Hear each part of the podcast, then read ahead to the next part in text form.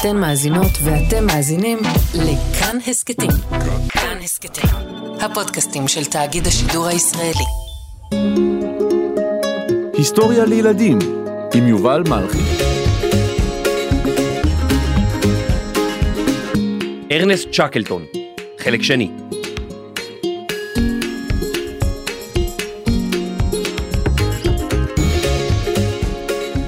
בפרק הקודם סיפרנו על מסעותיו של ארנסט צ'קלטון לקוטב הדרומי. הוא ערך שני מסעות ולא השיג את מטרותיו. הפעם הוא תכנן מסע שלישי, מסע נועז, לחצות את יבשת אנטארקטיקה. מוכנים? בשנת 1909 חזרו ארנסט צ'קלטון וצוותו לאנגליה, לאחר מסע של כשנה ביבשת אנטארקטיקה. זמן קצר לאחר מכן נכבש הקוטב הדרומי על ידי רועל אמונסן ורוברט פלקון סקוט. הוא וצוותו לא הצליחו לחזור ונספו בדרכם חזרה. בתחילת שנת 1914 פרסם שקלטון תוכניות למסעו הנועז, לחצות את יבשת אנטארקטיקה. הרפתקנים רבים שלחו לו קורות חיים, מכתב שבו כתבו מה עשו בחייהם, ומדוע הם מתאימים למסע שכזה. על פי התוכנית של שקלטון, שתי ספינות יצאו למסע. האנדורנס, עליה תפליג המשלחת העיקרית, שתגיע לצפון מערב אנטארקטיקה. והספינה השנייה, האורורה, שתפליג עם משלחת נוספת לדרום היבשת, למצר מקמרדו. אנשי הצוות של אורורה יעשו חלק מהמסלול של שקלטון בכיוון ההפוך, כדי שיוכלו להטמין עבורו מזון בחלק האחרון של מסעם. כל זאת כדי שיוכלו להשלים את המסע בין שלושת אלפים הקילומטרים לאורכה של יבשת אנטארקטיקה. שקלטון הצליח לגייס סכומי כסף מאנשים עשירים רבים, וקיבל יותר מחמשת אלפים קורות חיים, שמהם בחר את הצוותים למשלחת. אך הוא לא בחר אותם רק בזכות קורות החיים. אנשים רבים שהגיעו אליו לראיון סיפרו כי לאחר דקות ספורות הוא אמר, אתם נראים לי. אחרים סיפרו כי הוא שאל שאלות מוזרות כמו, האם אתם יודעים לשיר? שלום אדוני. שלום, מר שקלטון. קראתי קצת את קורות החיים שלך, אתה יודע ללהטט? לא, לא, לא, לא, לא, לא, לא, לא, לא, לא, לא, לא. כדורים, כדורים, לזרוק באוויר ולתפוס. כן, כן, שלושה, ארבעה כדורים. יופי, התקבלת. אתה בטוח תבדר את הצוות. הבא בתור? שלום, מר שקלטון. כן, אז אדוני מדען מתחיל. נכון מאוד. אתה אוהב את הקוטב? מ- מאוד, מאוד. כל יום אני אוכל אה, קוטג' אחד, שניים. לא, לא קוטג', קוטב, קוטב. אה, חשבתי שמחלקים פה קוטג'. מה, מה פתאום, מה פתאום? להתראות, להתראות. הבא בתור. אדוני, כן, תיכנס, לא רואה טוב. או סליחה, אדוני, אני לא, לא מוצא את הקורות חיים שלך פה, ואתה גם קטן כזה. אני מצטער, אתה לא יכול לבוא לקוטב. אני, אני מצטער, אתה לא יכול. מה? לא, אתה לא יכול, אדוני, אני, אל, אל תתווכח איתי, בבקשה, ת, תצא מהחדר, אתה לא יכול לבוא, זה לא מתאים. מה? מה, זאת, זאת המילה היחידה שאתה יודע להגיד? לא, אני יודע להגיד גם אבא. אבא, זה לא עוזר במסע לקוטב. מה מסע לקוטב? אני אדוארד, הבן שלך. או, תן לראות, תן לראות משקפיים, רגע, או, או, נכון, אדוארד, חמודי, מתוקי, פוצ'י, קוצ'י, קוצ'י, שמוצי פלוצי כזה שלי, אוי אוי אוי, איך אני אסע לקוטב, תגיד לי, איך? בספינה אני, אני אפליג, כן, אפליג. אין ברירה, מישהו חייב ל... לא אני, אז מישהו אחר, לא.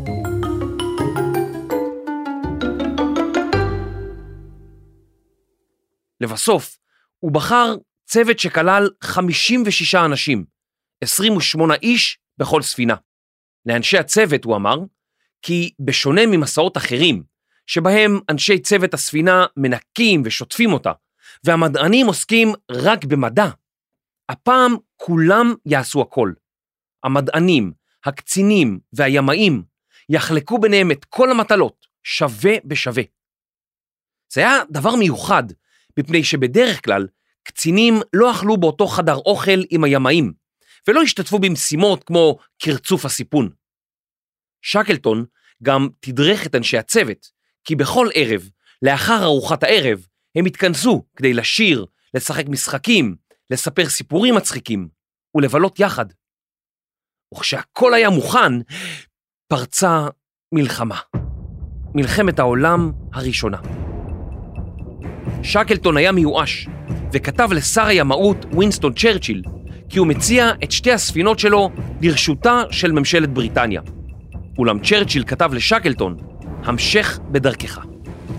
וכך, כשמלחמה גדולה פרצה באירופה, הפליגה משלחת בת 56 איש ליבשת אנטארקטיקה, הקפואה, הקרה והרחוקה. מסעות למקומות קרים על גבי ספינות עץ היו מסוכנים. שנה לפני ששקלטון יצא למסעו, בשנת 1913, ספינה בשם הקרלו הפליגה לאוקיינוס הארקטי, הצפוני, ונלכדה בקרח. הקרח מחץ את הספינה והיא טבעה. רק מחצית מאנשי צוותה שרדו את המסע הקשה. מסע לאנטארקטיקה הרחוקה לא היה משחק ילדים.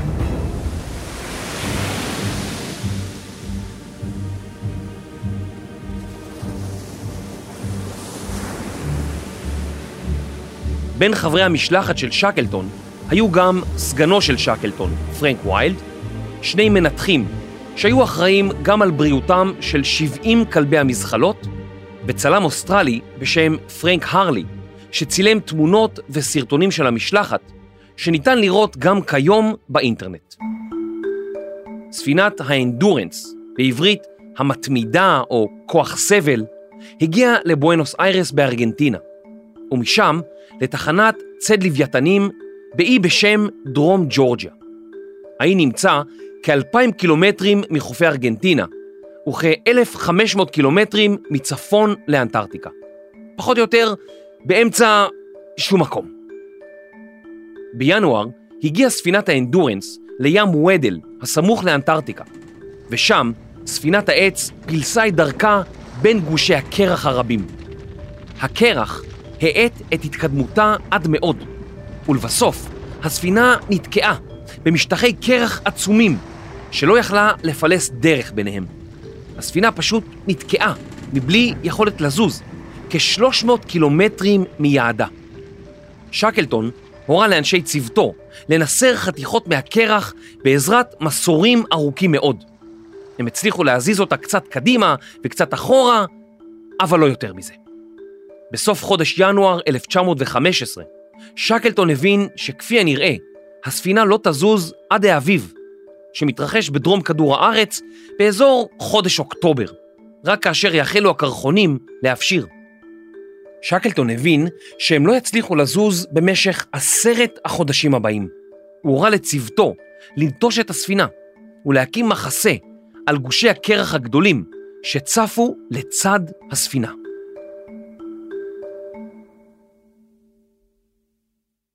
שקלטון חיכה להפשרת השלגים, אולם גושי הקרח הלכו וסגרו על הספינה.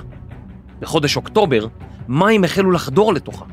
הצוות ניסה בכל יכולתו להציל אותה, לשאוב מים החוצה ולכסות אותה בשמיכות, אולם לא היה לו סיכוי מול העוצמה של גושי הקרח.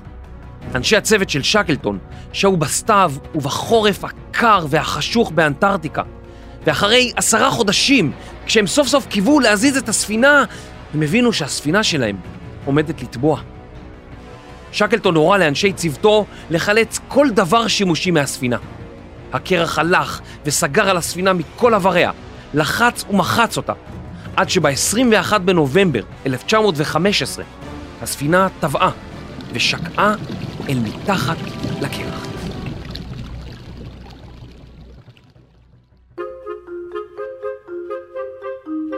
אורייט, אז uh, הספינה שלנו טבעה. וואי, איזה באסה. טוב, נתקשר לחילוץ. מה להתקשר? השנה היא 1915, אין פה שום טלפון. אה, אז, אז אולי נשלח הודעה. לא המציאו דרך לשלוח הודעות בשנה הזאת. אז, אז איך נצא מפה? לא יודע, אול- אולי נחכה שספינה תבוא עוד כמה שנים, או, או משהו. מה? רגע, ש- שנייה, שנייה. מה אתה עושה?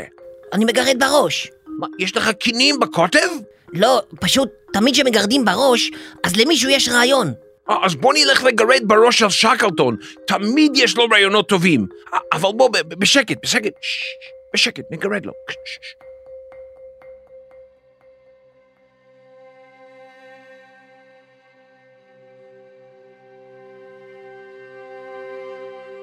שקלטון וצוותו היו רחוקים מכל יישוב. לא הייתה להם דרך לתקשר עם אף אחד. והם לא ידעו כיצד יחזרו הביתה.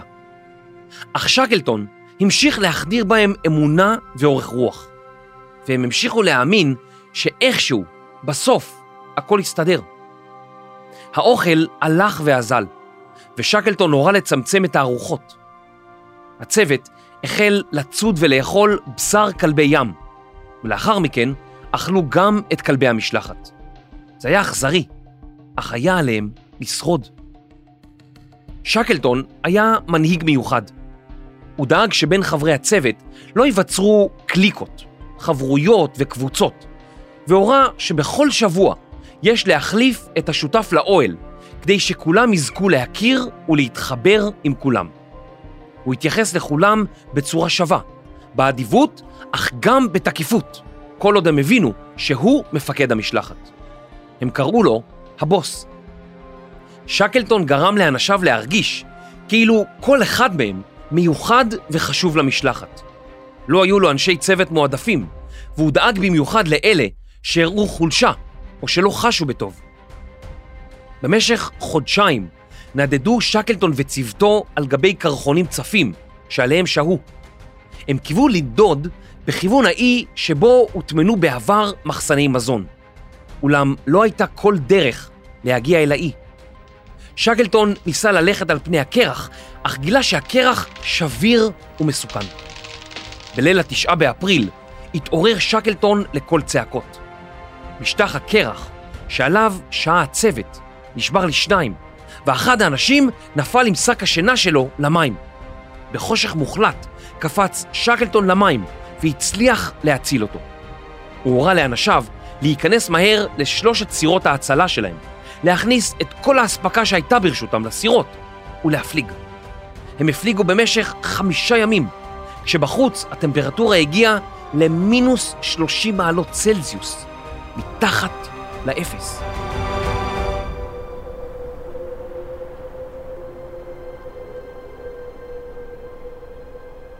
לאחר חמישה ימים, הם הצליחו להגון על אי בשם אי הפילים, ולרדת מסירות ההצלה. האי היה בצפון יבשת אנטארקטיקה, ונודע בשמו בזכות צורתו, שמזכירה ראש של פיל, וגם בזכות פילי הים הרבים שנצפו סביבו.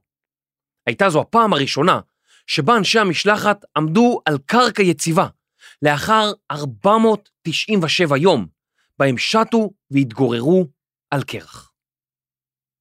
אי הפילים היה מרוחק, לא מיושב, ולעיתים רחוקות ביקרו בו ציידי לוויתנים או ספינות אחרות. שקלטון ידע כי אם עליו להציל את המשלחת, הוא היה צריך להזעיק עזרה. אך המקום הקרוב ביותר שאליו אפשר היה להגיע, היה תחנת ציד הלוויתנים באי דרום ג'ורג'יה, מרחק של כ-1,300 קילומטרים. האוקיינוס הדרומי היה סוער, גלי ענק איימו להטביע כל ספינה, ובמיוחד סירות הצלה קטנות. למרות זאת, שקלטון בחר לצאת על גבי סירה, כדי להזיק עזרה ולהציל את צוותו. הסירה שנבחרה לשאת את הצוות המצומצם הייתה באורך שבעה מטרים בלבד, ונקראה ג'יימס קרד, על שם אחד התורמים למסע. שקלטון בחר חמישה אנשי צוות, ביניהם נגר הספינה, הארי מקניש. שקלטון רב או התכסח עם מקניש בעבר, כאשר מקניש התחצף וסירב למלא פקודות. אולם שקלטון ידע שהוא חשוב למשימה, ובחר לשים בצד את העבר ביניהם. הוא גם בחר במפקד הספינה, ניו זילנדי בשם פרנק וורזלי, לנווט את הספינה בדיוק רב, במים סוערים, לאי קטנטן באמצע אוקיינוס עצום בגודלו. ספינה קטנה, אוקיינוס ענק, אי קטן, ניווט, כוכבים. זה היה עמד להיות חתיכת מסע. נגר הספינה מקניש ביצע שיפורים שונים בסירת ההצלה, ואטם אותה בעזרת צבע שמן ודם כלבי ים. שקלטון הורה להעמיס את הספינה במצרכים לארבעה שבועות בלבד, בידיעה שאם לא יגיעו עד אז לאי, לא יהיה להם מה לאכול. ב-24 באפריל 1916 יצאו שקלטון וחבורתו לדרכם.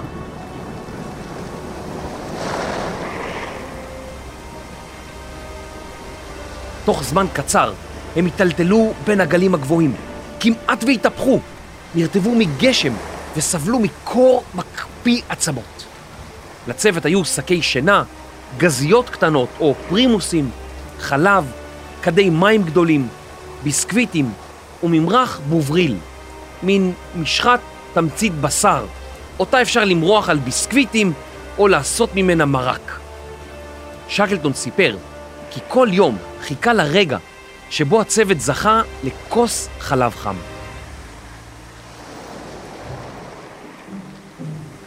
בשמונה במאי, 15 יום לאחר שיצאו לדרך, הם זיהו ציפורים, וזמן קצר לאחר מכן, את הצוקים של האי דרום ג'ורג'יה. משהתקרבו לחוף, החלו רוחות חזקות לנשב, ואיימו לרסק את הסירה הקטנה אל הסלעים. הצוות נאלץ להישאר עוד יום שלם הרחק מהאי, ורק לאחר שהרוחות האדירות שכחו, הפסיקו, עגנה הספינה באי. הצוות הבין שהוא אגן במערב האי, ואילו תחנת ציד הלוויתנים הייתה בצידו המזרחי של האי. שקלטון חשש להפליג שוב סביב האי. הוא החליט לחצות את האי ברגל. הוא לקח עמו שני אנשי צוות נוספים, וורזלי, מפקד הספינה, ותומאס קריין, האירי. בינם לצד השני של האי הפרידו הרים מושלגים וקרחונים, ולשלושה לא היו מגפי טיפוס. לאחר כמה ימי מנוחה והתאוששות, הם תקעו ברגים במגפיים שלהם, כדי שאלה יוכלו להיאחז בשלג. לקחו עמם חבל באורך 16 מטרים וקרדום, מכשיר הדומה לגרזן. ואז יצאו לדרכם. לא הייתה בידם מפה, והייתה זו הפעם הראשונה שבה אנשים חצו את האי בצעידה. השלושה ידעו שאנשים רבים נסמכים עליהם, והם צעדו במשך 36 שעות רצופות. ב-20 במאי הם שמעו את שריקתה של ספינת קיטור, הפעם הראשונה שבה היה להם קשר עם אנשים אחרים מאז דצמבר 1914, שנה וחצי עד הרגע ששמעו את הקיטור. וורזלי, קברניט הספינה, תיאר אותם כך: בלויים, מלוכלכים ובעלי ריח רע במיוחד, שערות ארוכות וזקנים מטונפים, מכוסים פיח. לא כיבסנו את בגדינו במשך שלושה חודשים, ולא החלפנו בגדים כבר שבעה חודשים. כך הגענו לתחנת ציידי הלוויתנים. בתחילה הם פגשו ילדים שנבהלו מהם וברחו בצעקות. לאנשי התחנה הם נראו כמו דחלילי שלג. אחד מאנשי האי זיהה את קולו של שקלטון, אבל לא זיהה אותו. באותו ערב נשלחה ספינה ממונעת לאסוף את שלושת אנשי הצוות שנותרו בצידו האחר של האי, וגם את סירת ההצלה. הצוות זכה לקפה חם, לארוחת ערב ולבגדים נקיים. יומיים לאחר מכן יצאו שקלטון, וורזלי וקריין על גבי ספינת צד לוויתנים לאנטארקטיקה, כדי להציל את הצוות שנשאר שם. שלושת אנשי הצוות הנותרים הפליגו לבריטניה. הספינה לא הצליחה לחדור דרך הקרח, והפליגה לאיי פולקלנד כדי לעשות שימוש בתחנת הטלגרף שהייתה שם. שקלטון ניסה שוב להגיע לאי הפילים בעזרת ספינה של ממשלת פרגוואי, מדינה בדרום אמריקה. הספינה הגיעה למרחק של 30 קילומטרים מאי הפילים, אך הקרח היה קשה מדי, והיא נאלצה להסתובב ולחזור. שקלטון ניסה בפעם השלישית בעזרת ספינה ממדינת צ'ילה, אך גם היא לא הצליחה, ורק בפעם הרביעית, בסוף חודש אוגוסט 1916, ארבעה חודשים לאחר ששקלטון הפליג מאי הפילים, זה הצליח. ספינה צ'יליאנית בשם ילצ'ו, לצד ספינה בריטית נוספת, הצליחו להגיע לאי הפילים. כל אנשי הצוות היו בחיים. הם חולצו והפליגו לצ'ילה, שם זכו לשוב לציוויליזציה, לאנושות, כמעט שנתיים לאחר שיצאו לדרכם. אבל הייתה עוד ספינה במסע, האורורה, שהפליגה לדרום אנטארקטיקה. לילה אחד התנתקה הספינה מהעוגן שלה. 18 איש היו על הספינה. עשרה אנשים הושארו מאחור עם אספקה מזערית. הספינה לא הצליחה להתקרב אליהם חזרה ונסחפה לים. היא הלכדה בקרח והחלה לנדוד, עד אשר בתחילת 1916 השתחררה והפליגה לניו זילנד. באנטארקטיקה נשארו עשרת אנשי הצוות, ולא היה ידוע מה עלה בגורלם. שקלטון הפליג לניו זילנד, ומשם לאנטארקטיקה, כדי להציל את צוותו. הוא הפליג על גבי האורורה לאנטארקטיקה, והגיע למצר מקמורדו בתחילת שנת 1917, יותר משנה וחצי לאחר שעשרת האנשים נשארו מאחור. המשלחת שם הניחה מחסני מזון ואספקה כפי שהיה עליה לעשות, לפי התוכנית המקורית, וכל אותו זמן חיכתה למשלחת הצלה. שלושה מאנשי אותו צוות נספו, אך שבעת הנותרים ניצלו וחזרו הביתה. משחזרו הצוותים של שקלטון לאנגליה, אירופה הייתה באמצע מלחמת העולם הראשונה, והמסע של שקלטון נדחק מהכותרות הראשיות. שקלטון החל לשתות אלכוהול בכמויות גדולות, והחליט להצטרף לצבא בריטניה. בשנת 1917 נשלח לארגנטינה כדי להעלות את מורל החיילים הבריטים ששהו שם, ולאחר מכן נשלח להקים בסיס צפונית לנורבגיה, בים הארקטי. לאחר סיומה של מלחמת העולם הראשונה, המשיך לשרת בצי הבריטי והפך לקצין בכיר. הוא שירת באזור הארקטי, צפונית לרוסיה, ובשנת 1919 שוחרר מהצבא. שקלטון חזר לאנגליה והחליט שזהו, הוא סיים עם המסעות. נו באמת, אתם לא יודעים שהרפתקנים אינם מסוגלים לנוח? אבל שקלטון כבר לא היה בריא. הוא סבל מכשל בליבו, שהפך חמור יותר בעקבות המסעות הקשים שעבר, והוא המשיך לשתות אלכוהול בכמויות מופרזות. יותר מדי. שקלטון עבר בערים שונות באנגליה והעביר הרצאות על מסעו האחרון. במשך שנה שלמה הרצה והרצה עד שהתעייף. הסיפורים שסיפר, הלקחים שלמד, כל אלה גרמו לו לרצות לצאת למסע נוסף אל הקוטב הדרומי. איש עסקים עשיר בשם ג'ון קווילר רואט הסכים לממן את המסע של שקלטון, ולאחר הכנות מרובות, בספטמבר 1921, יצא המסע לדרך. אבל הוא היה קצר. ליבו של שקלטון היה חלש, וכמה חודשים לאחר מכן, בינואר 1922, בעת שהגיעו לאי דרום ג'ורג'יה, שקלטון הלך לעולמו. הצוות שלו החליט להחזיר את גופתו לאנגליה, אולם בדרך הם קיבלו הודעה כי אשתו מבקשת לקבור אותו בדרום ג'ורג'יה, קרוב ליבשת אנטארקטיקה, שהייתה חלק כה משמעותי מחייו. שנים מאוחר יותר נפטר חברו הקרוב וסגנו, פרנק ויילד, ועפרו נטמן מימין לקברו של שקלטון. על מצבתו של ויילד נכתב, פרנק ויילד, יד ימינו של שקלטון. בשנים שלאחר מותו, שקלטון לא היה גיבור כפי שהיה קפטן סקוט, שנספה בדרכו חזרה מהקוטב הדרומי. אך שנים מאוחר יותר, למעשה כמעט 40 שנה לאחר מותו, החלו להתפרסם ספרים ומחקרים על שקלטון, שסיפרו עד כמה הוא היה מנהיג טוב, אהוב על ידי אנשי צוותו, ומפקד מעולה. באותם ימים גם יצאו לאור ספרים וסרטים שביקרו את קפטן סקוט והאשימו אותו בחוסר אחריות כלפי צוותו. דמותו של שקלטון הפכה פופולרית יותר ויותר, עד שבשנת 2002 נערך סקר על ידי ה-BBC הבריטי במסגרת תוכנית טלוויזיה. בסקר נשאלו הבריטים מי היו 100 הבריטים הגדולים ביותר בהיסטוריה. סקוט הגיע במקום ה-54, ואילו שקלטון במקום ה-11. במקום הראשון הגיע וינסטון צ'רצ'יל, ובין עשרת הגדולים ניתן למצוא את צ'ארלס דרווין, הנסיכה דיאנה, אייזיק ניוטון, וויליאם שייקספיר וג'ון לנון. כולם רעיונות טובים לפרקים עתידיים. שקלטון לא הצליח להשיג את מטרותיו באף לא אחד ממסעותיו. הוא לא הצליח לסיים את מסעו עם הדיסקאברי של סקוט. לא הצליח להגיע לקוטב הדרומי במסע הנמרוד. לא הצליח לחצות את יבשת אנטארקטיקה במסע עם האנדורנס, ולא הצליח להגיע אליה במסעו האחרון. ולמרות כל זאת, ככל שעברו השנים וקורות חייו של שקלטון נלמדו וסופרו, הוא הפך לדמות נערצת בזכות סגנון המנהיגות שלו.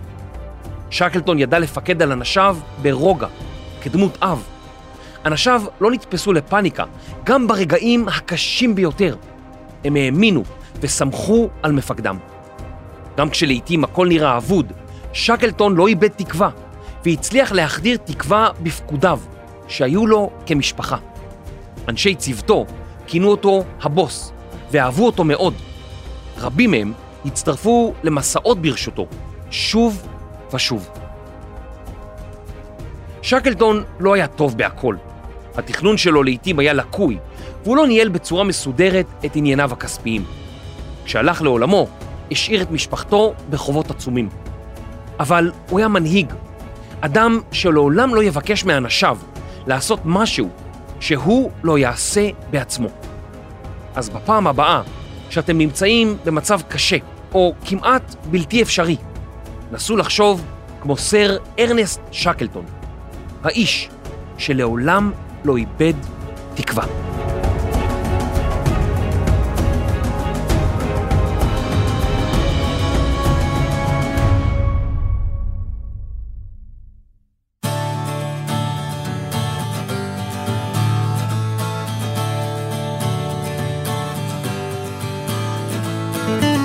מחקר, כתיבה, קריינות, ועדיין מנסה לנסר קרח. נו, נו, קרח זוז. יובל מלכי. עריכת לשון ומתגוררת חודש בשנה על אי הפילים. דינה בר מנחם. עריכת סאונד, מיקס, ובעלת כלב ים מחמד, רחן רפאלי. הפקה, והאנשים שיצאו למסע ארוך בחיפוש אחר הקוטב המזרחי. מעניין מתי הם יחזרו. ניר גורלי, טל ניסן ורני שחר. אני יובל מלכי. היסטוריה לילדים וילדות, הרפתקנים והרפתקניות.